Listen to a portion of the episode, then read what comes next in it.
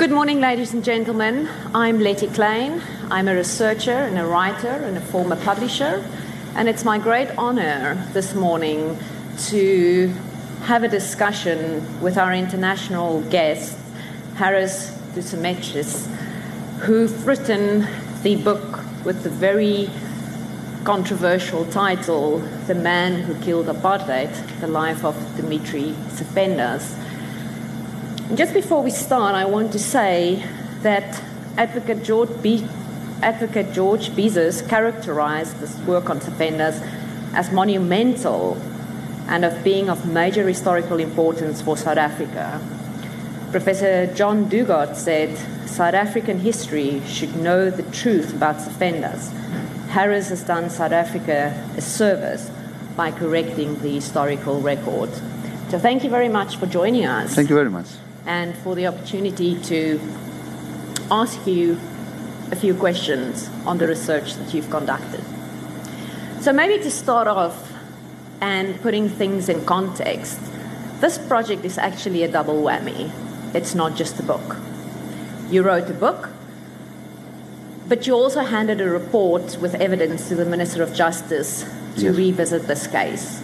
Yes. Within the South African context, it's quite timely with the reopening of the Timol case, as well as renewed questions on cases selected by the Truth and Reconciliation Commission. Tell us more about these two projects that you undertook. Um, I thought that because history has recorded Tsafendas as an insane man who assassinated uh, Dr. Verwoerd for uh, no political reasons, but simply because a tapeworm told him to do it. It would be extremely difficult to change the history, no matter how many evidence I had. And I thought it would be impossible to include all the evidence in a book. So I thought that I should present the evidence to some jurists to evaluate them and then to submit them to the South African authorities for further re-evaluation. So I thought it was important to have some jurists involved in the case. So before I submit the evidence to the minister, to the authorities, they could evaluate them. So to be sure that everything has been done properly and that uh, I'm not uh, evaluating the evidence in a wrong way. So I thought that in order to change the historical record about the assassination and to reveal exactly what happened, what the police did, but also what happened uh, during the trial and after with the commission of inquiry into Dr. Verwoerd's assassination. Uh, it was important to present all the evidence to the public, but oh, before I take them to the public, I wanted to give, to give them to the authorities. And I thought that uh, uh, the historical record could only change by presenting all the evidence to the people so the people could see that uh, what has been said is a lie. But obviously, it is impossible in a book to include every single document that I found in the archives or all the interviews I conducted. So I wrote the report, I included all the evidence in the report, but I also uh, gathered all the evidence in a USB stick and I gave them to before I first gave them to the, uh, my collaborators, the jurists, and then I gave them to the Minister of Justice. So because I thought that uh, an official announcement by the by the Minister of Justice, who is responsible for such cases, uh, would be enough to not enough, but it would be a first step from the government.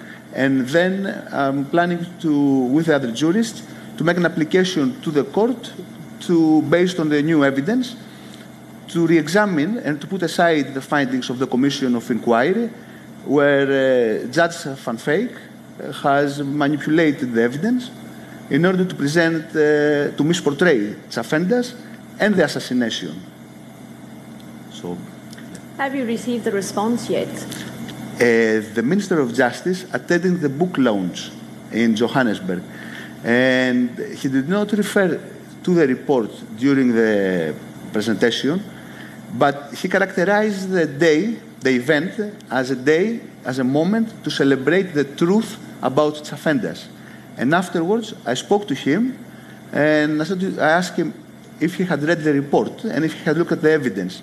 And he pointed to his assistant, to his advisor, and uh, he said that he did it. And I have gone to, that he has gone through some of the evidence, but he hasn't finished the report. So I asked him, uh, what do you think? And uh, he said, word by word, we wouldn't have been here if we disagreed with uh, your conclusions. So he said, well, his advisor then said that they have gone through all the evidence, they have gone through the report, they agree that uh, with my conclusions, and that they're going to make the, an announcement soon, and that they were in talks with the Minister of Education about how to proceed with the matter uh, further. This is what happened in November. So now uh, Judge Zak Yacoob is going to write a letter to the minister to ask him to hurry up a little with that. Perfect. Yeah. So you've dedicated close to a decade of your life on this research. What is it that motivated you or that first triggered the project? Initially, it was just curiosity to find out more about Tsafendas. Uh, but while I, I kept on uh, uh, looking for more information about him, I kept on thinking that uh, a major injustice has happened for the way that he has been uh, portrayed by the media and also by history. And I spoke to four priests, uh, one in Istanbul who met Tsafendas in 1961, and he lived in the same house with Tsafendas for four months, and for the next three months they were together uh, practically every day.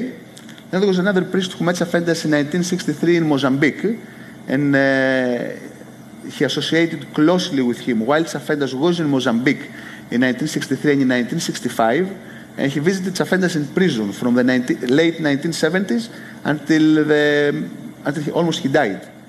And two other priests, one who met Tsafendas in 1989, and he kept on visiting him until 1994, and the fourth priest uh, visited Tsafendas for the first time in 1994, he saw him on two occasions then, and then only once again before he died. But all these priests, the three of them knew each other, but the one in Istanbul didn't know about the others. They told me the same things about Tsafendas. And uh, it, uh, I found it very strange that these were priests, and some of them were quite conservative, but they were speaking extremely high of Tsafendas, about his character, not about uh, the assassination, because they all condemned the assassination. And they had conversations with Tsafendas where they clearly told him that what you did was wrong. Uh, but despite the fact that Tsafendas had killed a man, the press was speaking extremely high of him. And also, the, uh, on some occasions, they were crying when they were talking about Tsafendas. So I found it very strange that, uh, you know, these priests uh, will speak so high about somebody who had committed a murder when uh, to kill a man is a major sin in Christianity. So I began thinking that uh, this motivated me even more. And some of the things that they told me, for example, when Tsafendas confined to two of them about the Tsafendas confined to three of them, but one of the priests does not allow me to quote the one who is the bishop in, uh, of the Greek Orthodox Church in Pretoria, Father Michalis Visvinis. He was visiting Tsafendas for five years. He allowed me to quote him talking generally about Tsafendas, but he hasn't allowed me to use uh, everything that Tsafendas told him. So Tsafendas confided to the other two priests about the assassination, and what he told them uh, motivated me even more about the assassination and why he did it, what he thought of Verwoerd, and uh, all these were uh, slowly, gradually made me want to investigate the case more. But I thought that just to write a book about Tsafendas will not be enough to correct the historical record. And this needed to be done by taking all the evidence and giving them to the authorities. At the time I was uh, doing my PhD, and I spoke to, I interviewed for my PhD, not for Tsafendas, Michael Dukakis, who was a former governor of Massachusetts. And uh, while he was governor, he personally he instructed his legal team to examine the Sacco and Vanzetti case because he believed that they were innocent. And to cut a long story short, we were talking about Sacco and Vanzetti, so I told him the story about Tsafendas. And he said that the best thing to do is to find the evidence, uh, keep on with the research, and once you find the evidence, you have to give them to the authorities. And the authorities will decide what to do and whether you agree, etc. So, thank you. So the filmmaker Liza Key wrote in a note accompanying some flowers that went to the very bizarre funeral of Tsafendas. Yes. She described him as a displaced person, a sailor, Christian, communist, a liberal fighter, political prisoner, and a hero. You've spent a decade tracing this man. What kind of a human being have you discovered? Uh, I think this quotation fits Tsafendas perfectly and uh, describes him uh, as accurate as possible.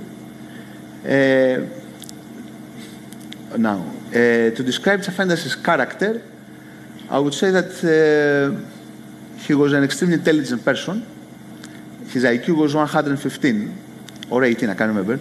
It is in the book um, because it was measured during uh, the tri- before the trial. He was a very caring man. He was also, though, very uh, manipulative. And uh, at one point of his life, he was uh, he admitted it, being a coward during the Second World War. He was assigned to serve in uh, um, the Liberty ships, and Tsafendas was terrified that if he go to one of the ships, he might be torpedoed, he, the, the ship will sink, and he will drown. So he didn't want to do this, and he was absolutely certain, not certain, that he was afraid that he will die. So he did everything possible during the Second World War to avoid uh, serving. And he was very uh, embarrassed about this. He felt, uh, you know, it was a shameful and uh, disgusting behavior.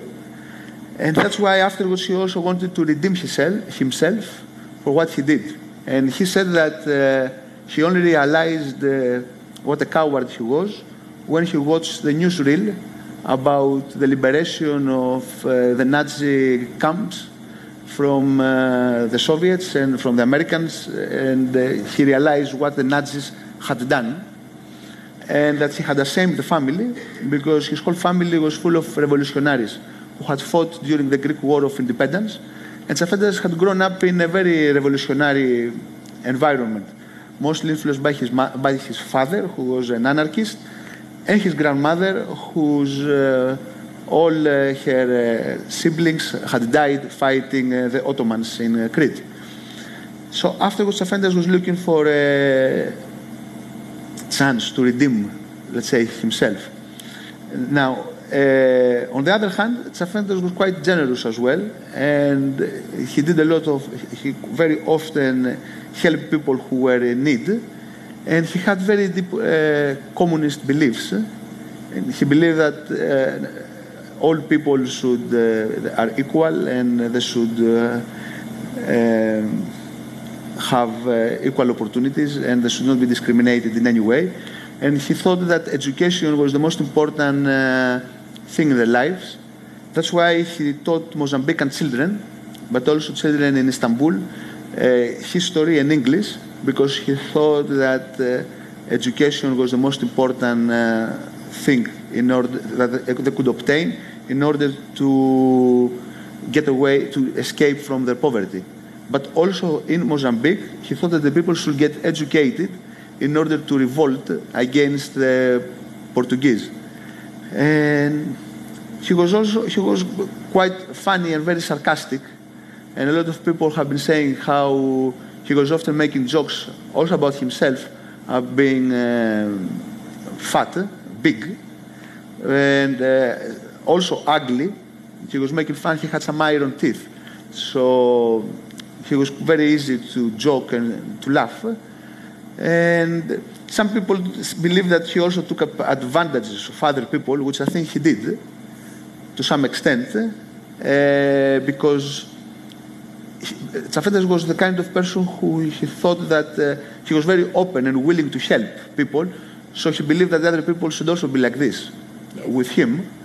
So some of the people did not see it this way, and he thought that he was going far, and especially uh, with his, his family was extremely upset with him because he lied to them in order, to, his family knew that he was a passionate uh, communist and that he was banned from entering South Africa and Mozambique because of his political activities in the past.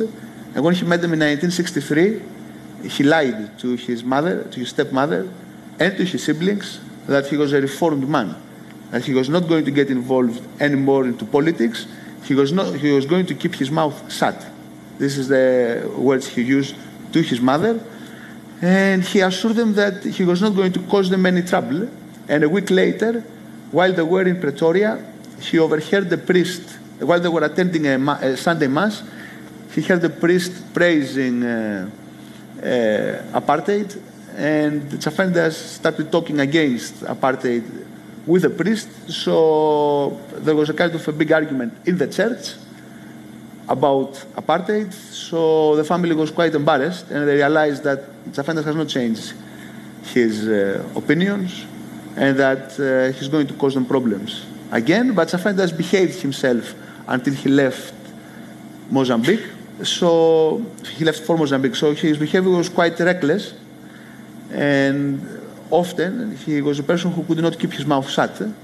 Although his father was an anarchist and equally passionate about politics, perhaps even more for, uh, than his father was very not secretive, but he was very careful when he was talking, especially publicly.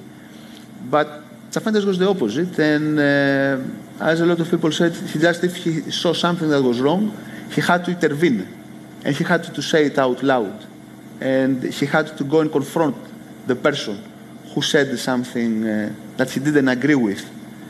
So yeah, this is what. Yeah. So you're the first person to have access to the family um, for your research. So, is there anything really interesting that came out of those discussions with the family? And then, following on that, how did the assassination affect the family? Uh, the family was very reluctant to talk about Tsafendas, and after the after the assassination, the loss they completely forgot him.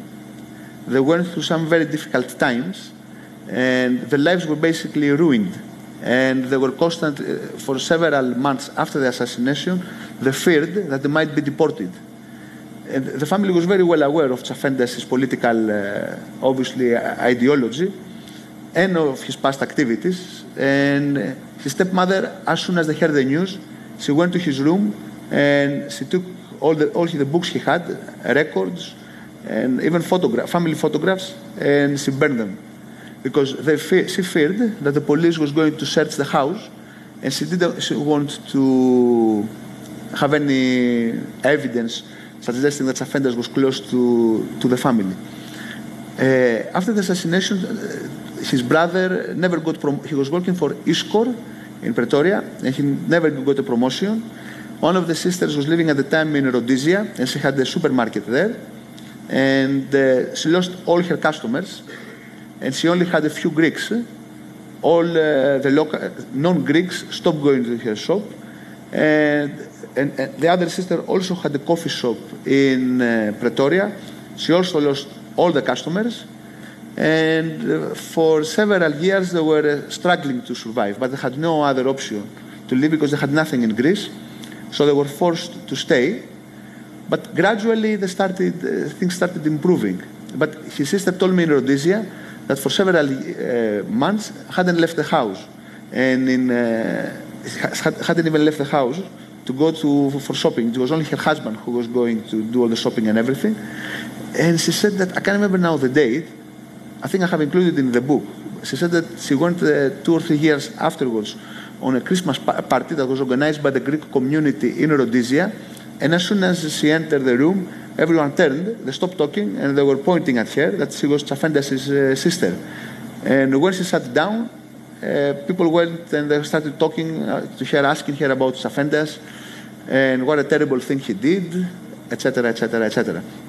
So the family, the lives of the family, the family's lives were uh, deeply affected and they lived with fear for uh, some time because uh, I forgot to tell you also that their houses were also attacked and stones and eggs were thrown in their houses, and also they broke the walls, they broke the windows in one of the coffee shops that they owned. Uh, so the family tried to distance themselves as possible as, from Tsafendas. Now, in 1994, uh, Jody Kollapen, who is now a High Court judge in Pretoria, at the time was a, a lawyer for the Lawyers for Human Rights, was asked by the head warden of Pretoria uh, Central Prison to go and see Tsafendas because this man was very sympathetic towards Tsafendas. So Kollapen went to see him, and to cut a very long story short, uh, he lobbied for Tsafendas to be released from prison. So he went to the family and he asked them that, uh, to, he, if they would look after Tsafendas if he was released. And the family said no. So Kollapen then went to the Greek community and he asked the local Greek community if they will look after Tsafendas, if they will put him in a Greek uh, people's home, or, or uh, in, in, an old people's home which belonged to the Greek uh, church. But the Greek community also said no. So Kollapen then uh, went back to the family. He asked them again, and the family said no again. So then Kollapen wrote a letter to the government asking them to interfere because he believed that if a member of the government went to see the family, they might change their minds. So somebody from the government went to see the family, but the family again said, no, we, we don't want to do anything. We, have, we, we don't want to have anything to do with Tsafendas. But the, truth, the whole truth is also that at the time, uh, Tsafendas' siblings were in the mid 70s and they were not even able to look after themselves. They had people looking after themselves. Obviously, this is not an excuse because still they could have, uh, they were quite wealthy, so they could have provided, uh, they could have put Tsafendas in a private institute or somewhere. Anyway, so the family kept on being very aggressive towards uh. Apart, uh, I should clarify actually that Tsafendas' uh, brothers-in-law were not like this. They were very sympathetic with what Tsafendas did, and uh, not exactly what he did, but they understood his motive. But also they were very sympathetic uh, with him as a person and with his uh, personality. And it was one of the brothers, Nick Vlachopoulos, who gave Tsafendas an apartment for free. And Tsafendas stayed there for several months in Pretoria, and this man also gave him a, a job in his coffee shop. And the other brother-in-law, Charles Mischiotis, uh, he gave uh, like a guarantee to the government, something, I can't remember exactly what it was, but when Tsafendas applied uh, for permanent residence in South Africa, this man uh, provided him with a statement that he will be responsible for Tsafendas or something. Uh, to cut a long story short, Tsafendas' family was reluctant to talk about uh, what happened. But some of the members had very good relationship with uh, Father Michalis Visvinis, the Greek Orthodox priest in Pretoria. So it was him got me in touch with Tsafendas' nephew, Mike Vlachopoulos, who he somehow convinced his auntie, Tsafendas' stepsister, to talk to me. And when I spoke to her, she was still very angry about Tsafendas, and she kept on saying that Tsafendas ruined her life. And she was talking uh, the things that she was saying about Tsafendas were uh, for her negative, but somebody will think that they were positives. For example, she was saying that uh, he had crazy ideas at the time. He believed that uh, the Portuguese uh, should leave Mozambique, so for her this was a crazy idea. Uh, or that people in uh, South Africa should revolt and should kick the apartheid regime away etc., etc., etc. So Tsafendas' political ideas for her were uh, uh, crazy and aggressive and uh, provocative. And, uh, but slowly, while we were talking, she started becoming softer. And uh, when I saw her some of the documents from the archives I found, uh, she hadn't watched the. No, she had watched the documentary, but she hadn't watched the, the Rushes from Liza Keys documentary uh, she became even much uh, softer. So then she began talking, and uh, she invited me for dinner. Then she invited me for another dinner, and we spent three or four days, almost uh, seven or eight hours each day, talking about Tsafendas. And she was very helpful. And by the time we finished, she, she had not forgiven him because still she believed that Tsafendas ruined her life. But uh, and she also considered what what Tsafendas did was wrong, and that he shouldn't have done it.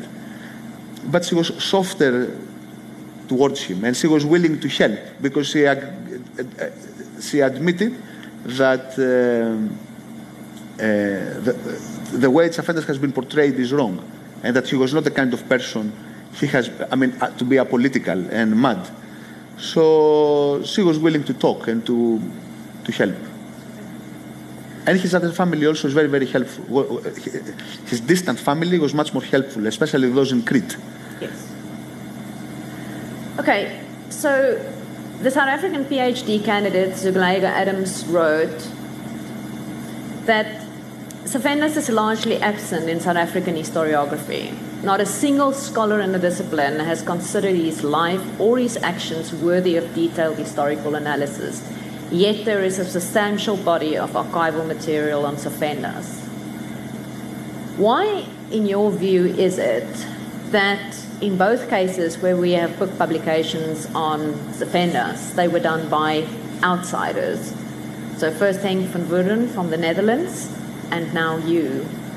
I'm not sure. I cannot explain it. I don't know. I'm sorry. I have I'm no going to follow that up by a question where David Rieff writes in his book In Praise of Forgetting that whichever interpretation prevails at a given time is a function of power, not you. truth. Is there something ingrained in the psyche of the Afrikaner that leans towards the art of wanting to forget? And I'll follow that up with an example. When the English translation of Van Woerden's book, A Mouthful of Glass, appeared in South Africa, it was awarded with the Sunday Times Alan Paton Award. When the Afrikaans translation appeared, it was a complete trashing um, in reviews, as well as pretty much a character assassination on Antjie Krog.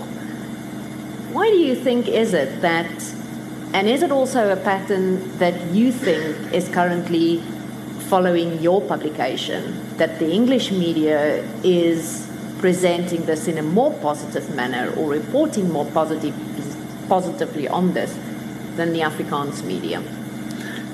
Uh, I'm not sure about what happened in the past with Van Woerden's book, uh, but uh, the Afrikaner press has not criticized the book. On the contrary, on the contrary, uh, several publications uh, have praised the book, and the people I spoke to, the Afrikaner people I spoke to, also have praised the book. The comments I have seen that are negative are, are by people who have commented on the reviews by the Afrikaner journalists. But uh, I haven't seen any report in the media criticizing uh, the book. Uh, I, I, cannot explain exactly now why some people will, uh, because this is not about uh, Afrikaners or British or Greek or whatever people. This is just about something that happened a long time ago, and it is about a person's life who was born in Mozambique and he has been mistreated by history. The book is not about uh, uh, Tsafendas being a good man and Afrikaners being uh, bad or English being bad or whatever. This is about Tsafendas and the assassination. It just happens that the person who got assassinated, the prime minister at the time, was uh, Afrikaner. But in the book, and Tsafendas was not uh, racist towards Afrikaners. He had Afrikaners friends, and also he described in detail how an Afrikaner uh, warden helped him while he was in uh, Pretoria prison. And he speaks very highly of him in Liza Key's documentary by crying, but saying that this man was not like the other man. He says that, I can't remember now what was the, man, the name of the, I think it was Pretorius, I'm not sure, or something, who, the chief warden who was beating Tsafendas up while he was in prison. But then he says that there was another warden who uh, was very sympathetic with me, etc., etc., etc. And also the person who uh, contacted Kollapen and asked him to go and check Tsafendas, who was sympathetic with Tsafendas, the chief warden, was also Afrikaner. Uh, now, if some Afrikaners are getting offended it's like because Tsafendas killed uh, food is like somebody uh, German getting offended because somebody said something bad about Hitler. I don't think Germans who hear someone talking bad about Nazism or about no, no, I don't think. I'm sure Germans do not get uh, offended if somebody says something bad about Hitler or about Nazis. And also, don't get offended. I am Greek. If somebody says, "Oh, the Greek dictator," uh, was a horrible man. He was a dictator. He oppressed people, etc. It is a fact. This is what he did. He was Greek. I am Greek. It doesn't mean that uh, I have any connection with him or that I will uh, close my eyes and say, oh, he's Greek. He was a good man. He was a dictator. He was Greek and he oppressed the Greek people at the time, and it is a fact. Now, the Greeks who will get offended by someone talking negative about this man, about the dictator, is people who have obviously sympathies with this person, with or with Hitler or with a Greek dictator, etc. Let's talk some conspiracy theory. Um, what are some of the conspiracy theories that exist? And please refer to the tapeworm as well as the Lang Hendrik van den Berg slash Vorster um, initiative to get him into power that your research uncovered as untrue? Yeah. Uh, in the report that I submitted to the minister, there is a very detailed uh, examination of all the conspiracy theories that uh, about the brainwashing or that that that Berg uh, somehow allowed Tsafendas this to happen, and none of them is true. I don't have any evidence. I didn't find any evidence to suggest that any of this is true. All the evidence I found have been presented. And, and it's very, very easy to dismiss all these theories, not only because of the absence of any evidence to support the theories, but also by going back and looking at some of the origins of these theories and how they began. For example, the brainwashing theory, and that Van den Berg, General Berg was responsible, started uh, by uh, can't remember what his first name, Hubbard, who was the founder of Scientology. And in 1966, before the assassination of Verwoerd, he wrote a letter to Dr. Verwoerd. Uh, I can't remember exactly what he said in the letter. I can send you the report and read it, see what I have written, or if anyone else wants to see what happened. He wrote a letter to Dr. Verwoerd telling him that, uh, asking him to help in the fight against communism or something. And after the assassination of Verwoerd, this sounds uh, unrealistic, but this is exactly what happened. I can show you the documents.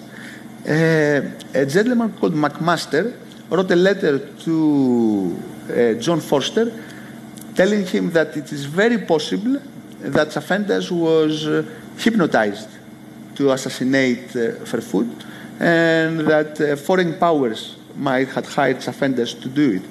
And he said that in his organization, they have uh, the people in the Scientology group, they have a special training that allows them to not be hypnotized or being affected like this by communist uh, uh, people who can hypnotize other people.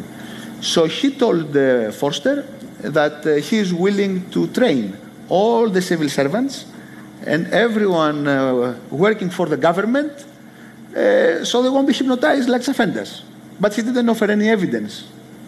So, yeah, this is how the story began. And then afterwards, again, somebody said, oh, Tsafendas was hypnotized.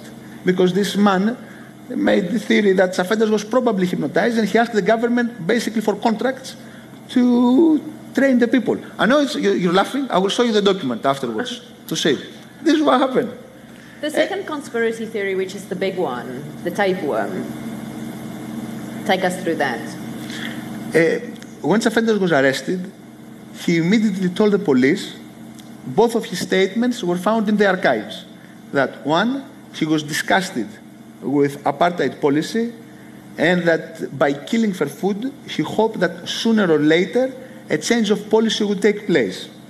And he also said that he considered uh, Dr. Verwoerd to not be the real representative of all the South African people and that he wanted to see a government that will represent all the South African people.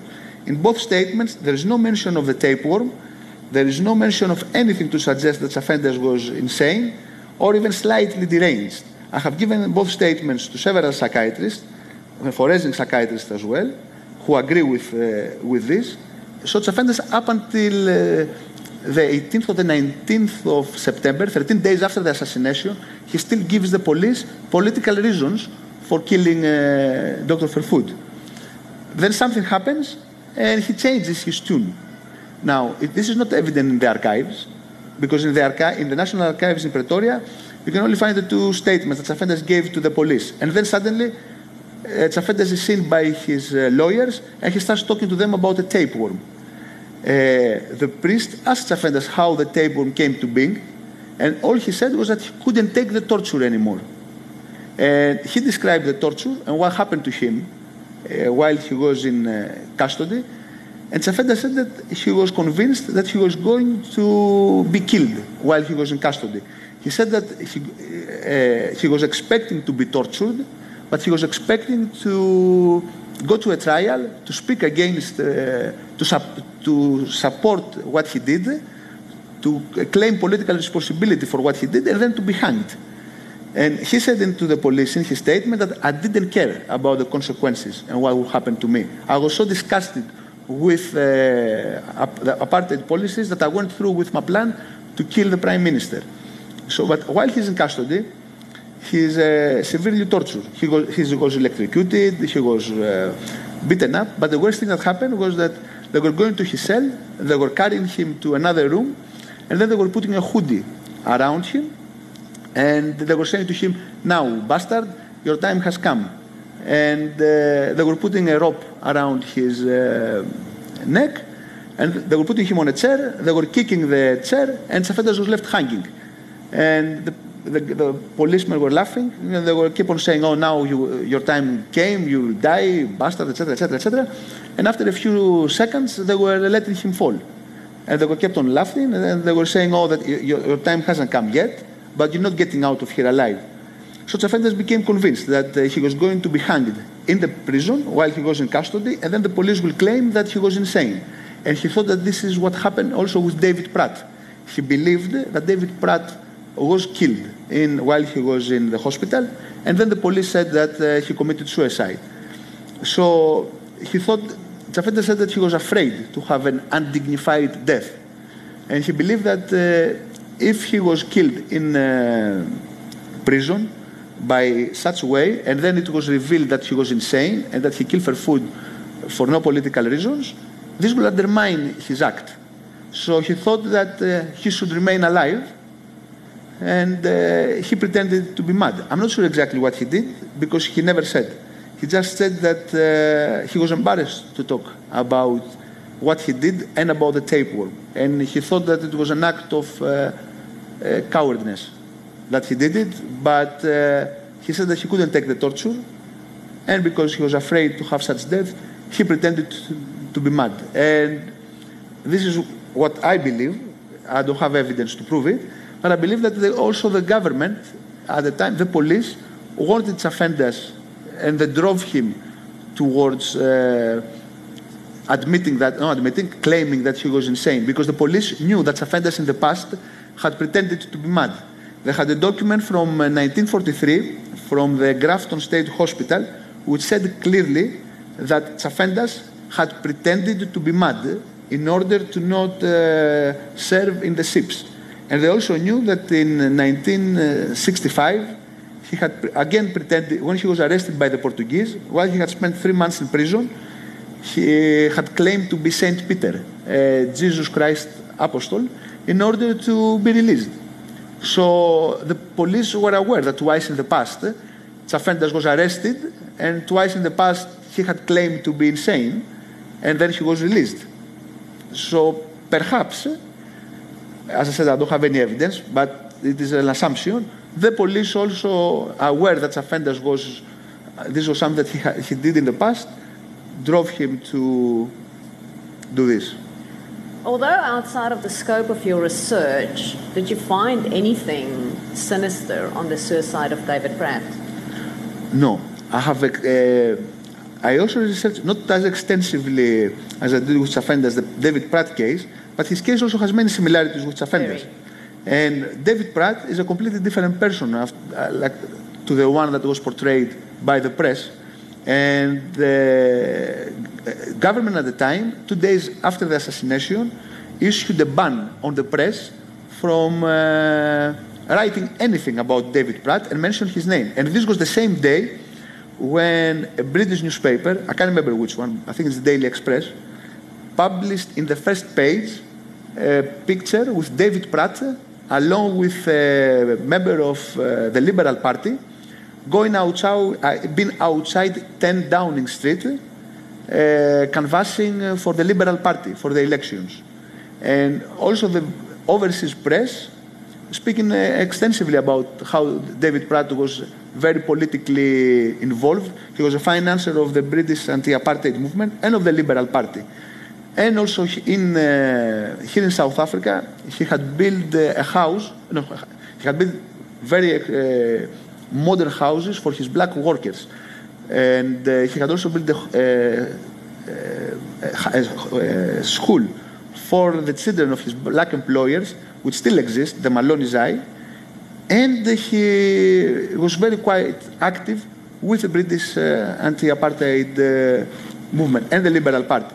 But none of this was reported at the time to the press because the press was silenced by the government so the picture that uh, emerged was again that Pratt was somebody with no political interest, that uh, he had epilepsy, which he had epilepsy, but uh, he was politically motivated and uh, for what he did. And afterwards, again, this is a very long, and different story. Uh, Pratt was willing. Pratt also felt that his behavior when he was uh, during the trial uh, was cowardice and he wanted his case to be reopened. So he wrote to a judge asking him to re-examine his case and he wanted to be tried.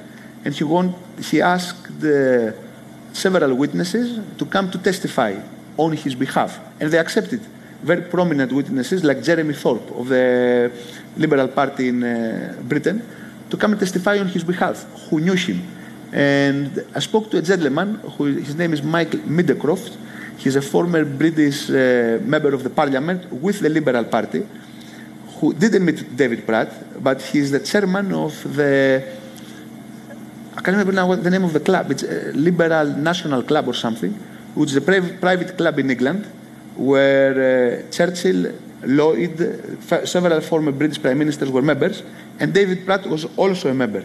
And in order to become a member, you have to be a liberal, politically active, and also to have uh, some references. So this gentleman, Michael Meadowcroft, went to, because the archives of this club are private, but he went to the archives, he found all the documents regarding Pratt, and also he found the minutes from all the discussions that the members of the club had after the assassination.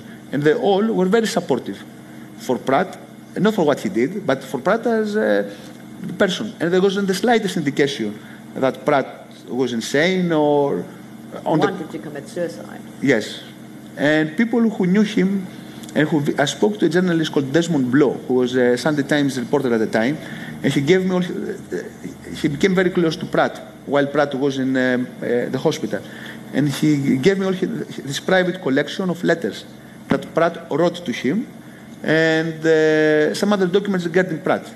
And again, there isn't any the slightest indication that Pratt was insane or that he didn't know what he was, he was perfectly sane, and also what he did was for political uh, yeah.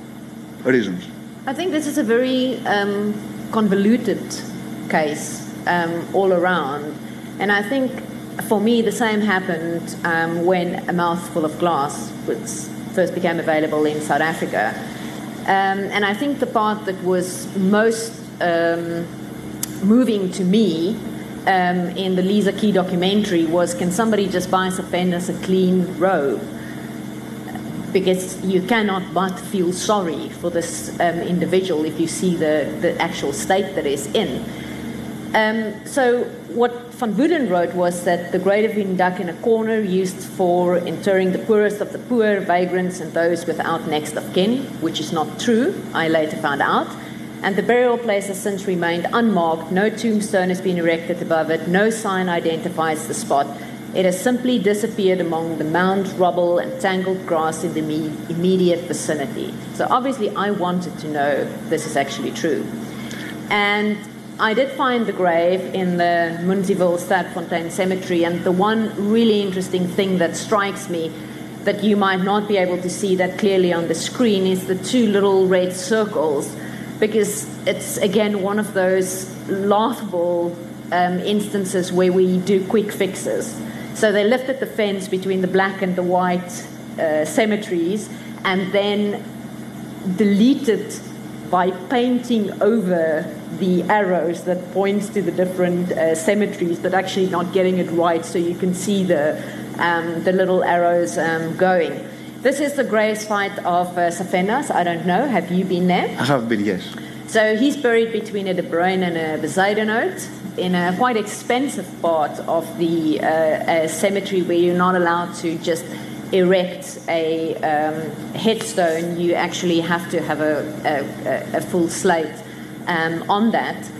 So, a few years ago, I undertook a research project on reflective conversations that I that matched every single um, one of the themes um, in that, which was typography, topography, and typology. And we actually, as part of this uh, transdisciplinary uh, practice led research uh, project, I did the research part, and then the former uh, typographer Tini du Plessis designed a uh, tombstone for Tsafendas.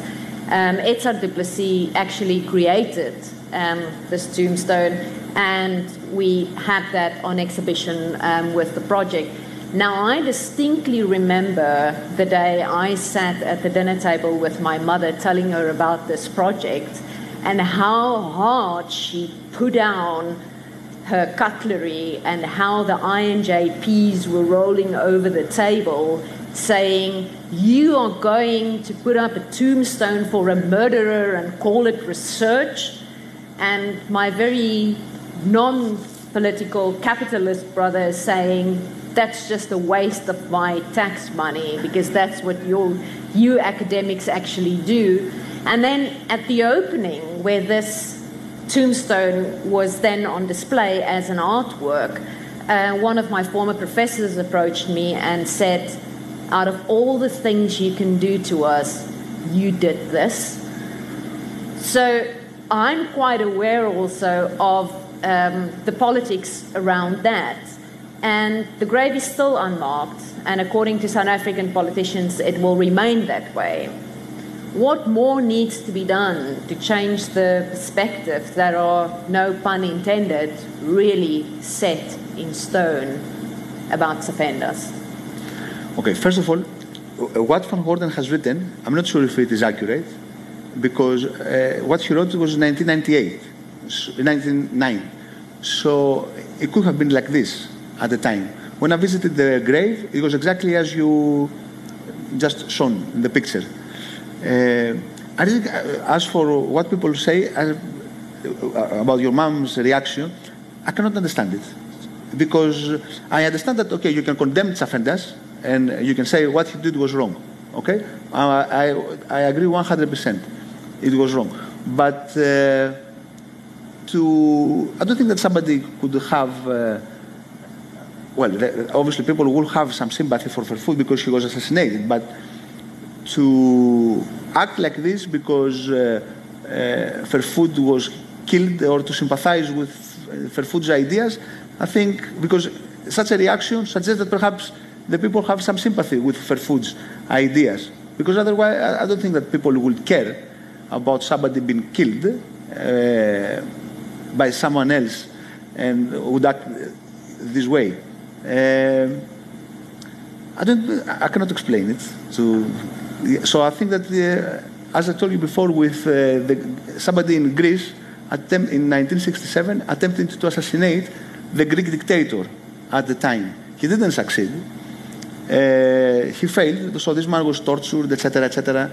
And afterwards, the Greek uh, government recognized this person, the attempted assassin, as a hero, despite the fact that you know he failed and also he attempted to kill a person. And there is a statue of him in a Greek in a metro station. Uh, now, a lot of people could say that what this man did is wrong attempting to kill somebody, and that uh, he shouldn't have attempted it. But uh, you have to acknowledge that the person, the victim, was not uh, someone who uh, had, let's say, democratic values, and uh, who a lot of people could agree and would accept that the Verwoerd uh, would not have been targeted if, let's say, he was no, no Verwoerd, wrong example. Uh, there wouldn't have been an attempted assassination if Verwoerd had no such policies. For example, it would have been different if you tried to assassinate Mbeki or Zuma or uh, Ramaphosa or Mandela or whatever because of the policies. But Verwoerd at the time was not seen as a, an ideal uh, uh, politician, and his policies were considered to be a crime against humanity. Yeah. The United Nations acknowledged that what uh, Verwoerd and Vorster was doing was a crime against humanity. In an ideal world, Verwoerd, Vorster, and Botha should have been brought on trial by, uh, to the International Court of Justice and they would have been in prison uh, forever because they were criminals yeah. by the inter- standards of the international law. So, but at the time, for various reasons, obviously the international community didn't pursue to arrest Vorster, although the United Nations accepted that uh, he was committing a crime against humanity. So, uh, since uh, somebody commits a crime against humanity, I'm not justifying the murder, okay, but I'm just saying that people should accept that what Verwoerd was doing was wrong. And uh, I, think my, I think my mom should just accept that erecting a tombstone is not erecting a statue. There's a huge difference to making or marking a grave for future references to be able to find that because it wasn't easy finding that grave. Of course. Of course, um, it's not. So just marking it is something completely different to erecting um, a statue. Before we go over to questions, I want to ask you, um, in conclusion, Tsafendas himself was a great storyteller, as you've also said, very humorous and so forth. He was an avid reader. He could speak multiple languages. He even worked as a translator. But he also had an ambition to one day write about his life.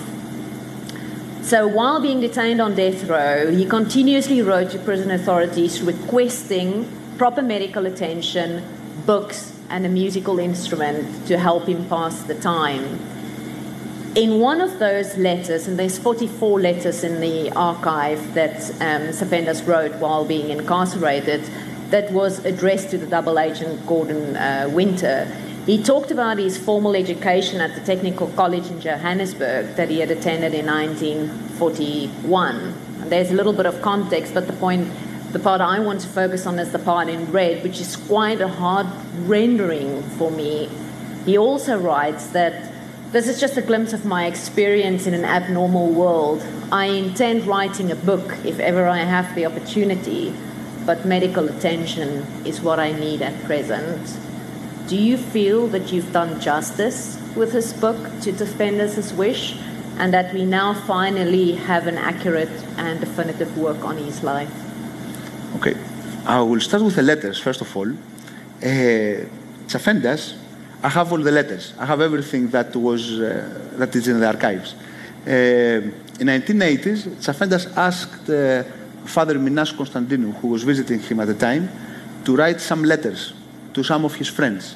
So Father Minas said to him, "Why don't you write them yourself, and I will give you the money to post them." And he said, "No, no, you have to do it yourself. I will tell you what to say, and you will write it." So Father Minas sat down, and Tsafendas was telling him what to write. He wrote several letters, and uh, all, everything that Tsafendas wrote was perfectly logical. Now, in 1994, when Tsafendas was in Pretoria Central Prisons Hospital, and after uh, apartheid had collapsed, sometime after apartheid had collapsed, uh, Father Minas visited him again. So Tsafendas said to him, uh, Father, will you please uh, lend me some money? Because I want to write some letters to my friends. And the priest got surprised and he said, Of course, Dimitris, I will give you money. But what happened? How come now you're going to write the letters yourself uh, from here? And all the previous years I was writing them myself. And he said, My father, all the previous years during apartheid, the, uh, the prison, the prison, the wardens were reading my letters. So if I had written a letter at the time, they would have expected to see signs of my condition and references to the tapeworm. Now, uh, if I had written such letters uh, to uh, convince the wardens that, you know, I'm like this, my friends outside, they would have thought that I really have mad. So that's why I couldn't write the letters myself. But now that they do not read uh, my letters, I will write them myself. So going back now to the other issue regarding uh, what you said about Tsafendas' future, Tsafendas was very humble and he didn't want to, the world to know what he did. Once uh, he spoke to the priest, there were two priests at the time, uh, Father Minas Konstantinou and uh, Father Ioannis Tsaftaridis. Father Ioannis Tsaftaridis is the one who is now Bishop of the Greek Orthodox Church in uh, Zambia, before he was in Mozambique. To cut a long story short, he confined to them, and uh, Ioannis was very young at the time. So he asked him in the beginning, uh, uh, no, the, the, the asked the priest, do you know what uh, apartheid was? And he said, of course, uh, uh, Mr. Tsafendas, I've read about it. And he said, no, you don't know anything. You cannot read about it. In order to understand its real extent, you had to be black and to live among blacks to see what it really was. And uh, while they were talking then about the assassination, Tsafendas, the priest, Minas, was telling that what he did was wrong. And Tsafendas was trying to justify it by saying that Verwoerd was a tyrant, a dictator, he was oppressing his people, etc., etc., etc. And in the end, Tsafendas told uh, uh, Minas, listen, you see every man, every man you see a man who is committing a serious crime on which millions of people are affected. You cannot take this man to the court and you cannot take him to the police because he's the law in the country. What will you do? Will you let him continue with the crime or will you do something to stop him? So the priest said, I will want to stop him, Dimitris, but I will not go and kill him. So Tsafendas said, this is the only way to stop him. By killing him, there's no any other way. So afterwards, uh, Ioannis, the youngest priest, who was very shocked with everything that Tsafendas was saying, said to him, we're going to tell uh, Mr. Tsafendas uh, the word about you. And Tsafendas said, no, no, you should not tell anyone about me. If you tell someone, you will, uh, it's like undermining uh, my act. I'm very happy with what I did. My conscience is clear, and uh, I'm sure God will understand when I die why I did it. And I will justify it only to Him. I'm, he's the only person I need to justify it. To cut a long story short, uh, Tsafendas insisted that they should not tell uh, his story. So he didn't want this to become known. And afterwards, before Tsafendas died, he was visited again by Ioannis and another priest called Spiros Randos. And uh, asked him to do, him to do a favor for him. Very long story now to explain the favor. But uh, again, Ioannis told him, we're going to tell uh, the world about what you have done and who you are. And Tsafendas said, no, you all have to do only what I told you. Don't do anything else. So all the, the, the following years, uh, there was a sort of uh, an argument between the priests about what to do because Ioannis wanted to tell the people about what they knew about Tsafendas, but the other two priests thought that they should respect Tsafendas' wish to not reveal what he told them. And all, one of them also believed that they should not reveal what Tsafendas had told them because it, they were priests, and uh, although this was not in a form of confession, and was like a, um, a, a, believer who was confiding to them. And this is the reason why Father Michalis Visvinis in Pretoria hasn't allowed me to reveal.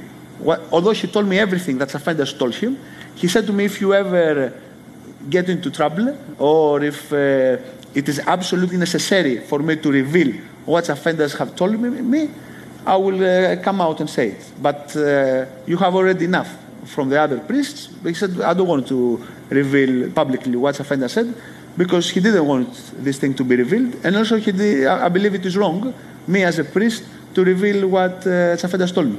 So, over the following years, there was a conflict between the, not constant conflict, but there was some, you know, discussion about whether to reveal these things or not. And uh, so Tsafendas did not want his story to be told. Uh, so I violated basically Tsafendas' uh, wish, but I believe that uh, I, I, should have done it and I did the right thing for doing it because Tsafendas was a humble man and uh, I understand his position, but I thought that it is an injustice.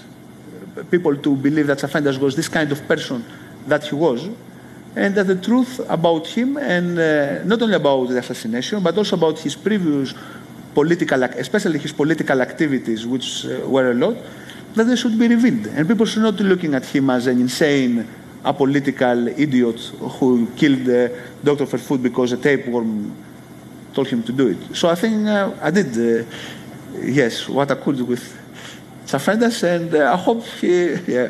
Another double whammy. Thank you very much. Can we take maybe one or two uh, questions from the floor? Yes, sir. Can you just wait for the mic, please? Thank you. Yes, the, the Verwoerd government was heavily anti-communist, and Tsafendas was a communist. Did that also play a role in his motivation for killing Verwoerd? Or was it, you think, only purely because of being against uh, apartheid? Thank you very much. I don't think that communism had any role to play in uh, the case. It was simply because of uh, his despise against apartheid and against Verwoerd. And Tsafendas initially did not want to kill Verwoerd. He, he wanted to uh, kidnap him and exchange him with political prisoners. But he was not able to find any support with anyone uh, who would join him. So he ended up uh, killing him. But no, the fact that uh, I'm not, I cannot say 100%. I have never asked such question. But from what Tsafendas said uh, to the police in his statement, and also from what he told the people afterwards, he only did it because uh, he believed that a change of policy will take place, that apartheid will collapse sooner or later after the assassination.